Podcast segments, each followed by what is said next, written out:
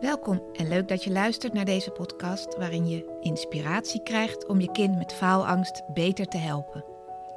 Mijn naam is Mariette Diets en samen zorgen we ervoor dat jouw kind een fijnere schooltijd krijgt. Dit is de Pubers met Faalangst podcast. Hi, hier is Mariette weer met een nieuwe aflevering. Vandaag gaat het over leren. Hoe onthoud je de lesstof nou heel goed? En ehm, in de eerste les van de training Ik leer leren geef ik daar altijd vier tips voor. En die wilde ik in deze podcast alvast weggeven. De training Ik leer leren, de naam zegt het al, dat gaat over hoe leer je hoe je moet leren. En uh, die training wordt in het hele land gegeven. Dus je kan ook op de website www.ikleerleren.nl kijken of er een trainer bij jou in de buurt is die hem geeft. En ik geef hem ook via Zoom. En eigenlijk behandelt die training in vijf lessen alle aspecten van het leren. Dus ook hoe ga je om met stress en faalangst, met motivatie, uh, hoe gaat het met plannen, uh, hoe zorg je dat je concentreert, hoe werkt je geheugen. Nou, en in de eerste les van die training, dan gaat het over hoe werkt leren nou eigenlijk? Wat heb je allemaal al geleerd sinds je geboren bent? En hoe gaat dat dan? Misschien ken je dat rijtje wel van onbewust onbekwaam. Eerst weet je helemaal niet dat je het niet weet. Dus je weet niet dat je niet kan lopen. Dan word je bewust onbekwaam. Je weet dat je iets niet kunt en je gaat je best doen om dat te doen. Bewust onbekwaam. Ja, dan weet je dat je het niet kan. Daarna komt bewust bekwaam. Je kan het dan wel, maar je moet er nog heel erg bij nadenken. Dus bij elke stap die je zet, moet je nog denken: oh, ik moet nu mijn been optillen en ik moet niet omvallen, ik moet rechtop blijven.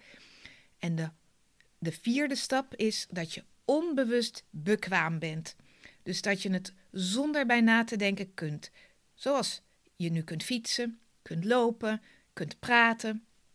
En uiteindelijk, als je bijvoorbeeld in de tweede zit, dan zeg ik: Weet je nog dat rijtje van Etre, dat was vorig jaar zo moeilijk. En nu snap je dat gewoon. Of nu komt de voltooide tijd en is eigenlijk dat beginnetje, je suis tu es, dat is eigenlijk best wel makkelijk. Alleen komt er nu weer een next level bij.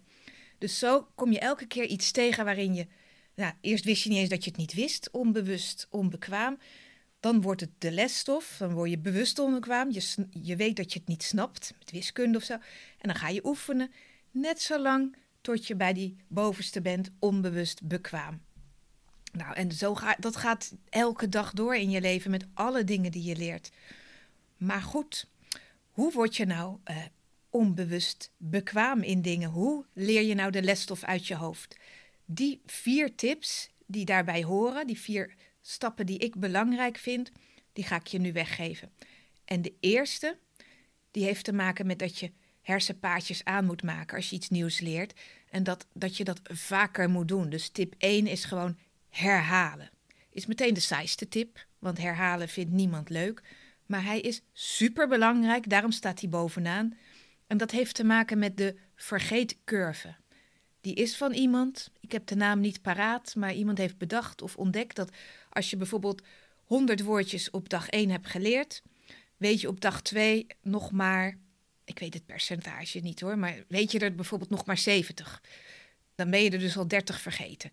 Dan ga je weer alles leren tot de 100. En de dag daarna ben je er dan nog maar 10 vergeten. De cijfers zijn heel anders, maar het gaat er even om dat je snapt dat je hoe vaker je iets herhaalt, hoe minder je vergeet. Dus hoe meer je onthoudt.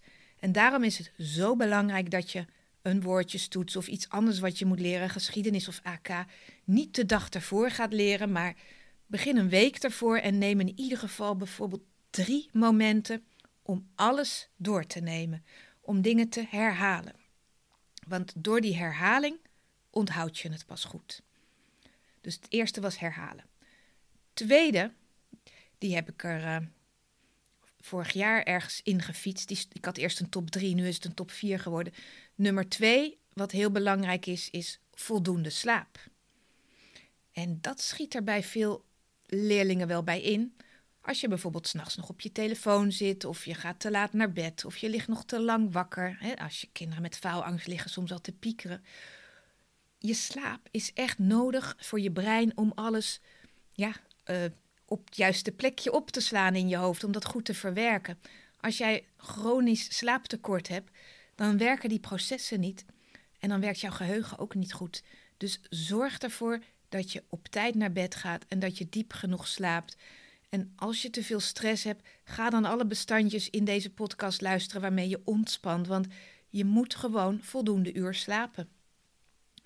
De eerste was geheugen, tweede voldoende slaap. De derde, die heel belangrijk is om iets goed in je geheugen te krijgen, is een positieve stemming. Soms teken ik er een like duimpje bij als ik het hier op mijn whiteboard doe. Een positieve stemming, dat is best lastig als je het vak niet interessant vindt of je hebt helemaal geen zin om een toets te maken of je hebt stress. Maar als ik hier testjes doe met kinderen, bijvoorbeeld leer deze tien woorden binnen een minuut uit je hoofd, dan kunnen ze dat gewoon. Omdat je dan de wil hebt om het in je hoofd te krijgen. Bijvoorbeeld omdat er een spelelement in zit, omdat er een prijs aan hangt of om, omdat je het graag wil laten zien dat je het kan. Dan zit er een positieve stemming bij het leren van, oh, ik wil dit echt in mijn hoofd krijgen. Als je dat mist bij die Duitse woordjes, ja, dan, gebeurt er niet zoveel in dat brein. Dus je moet ergens in jezelf die wil ontdekken van ik wil een goed cijfer of ik wil deze twintig woordjes binnen een half uur in mijn hoofd krijgen of ik wil laten zien dat ik mijn cijfer op kan halen. Ergens moet je daar iets doen om het te willen onthouden. Want als je gewoon maar een beetje naar die tekst zit te staren, of met AK of bio of geschiedenis, maar je hebt eigenlijk helemaal geen zin in, dan gebeurt er niet zoveel en dan is het extra zonde van je tijd. Dus zorg dat je het in je hoofd wil krijgen. Dus noods maak je er zelf een spelletje van. Al leg je een zakje M&M's klaar en bij elk begrip wat je uit je hoofd kan, mag je een M&M pakken. Ik zeg maar wat geks. Je kan ook zeggen, als ik dit uit mijn hoofd kan, mag ik vijf minuten TikTok kijken? Of mag ik even naar buiten en weer naar binnen? Of mag ik even wat lekkers pakken? Whatever. Verzin iets waardoor jij met jezelf een soort game maakt, een soort afspraak van ik ga deze woordjes nelen, ik ga ze in mijn hoofd krijgen.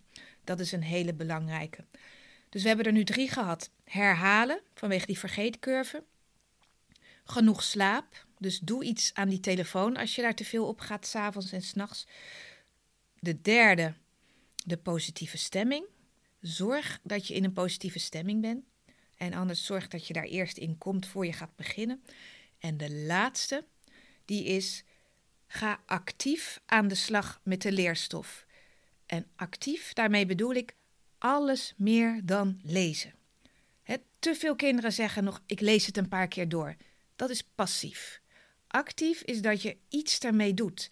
Passief is van je boek naar je hoofd.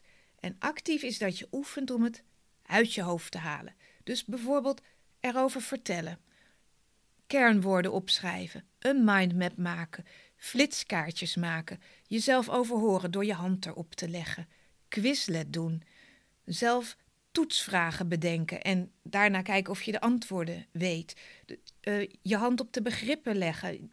Er zijn allerlei manieren om te oefenen, om te, ja eigenlijk moet je jezelf toetsen, jezelf testen of je het weet. Dat is echt leren.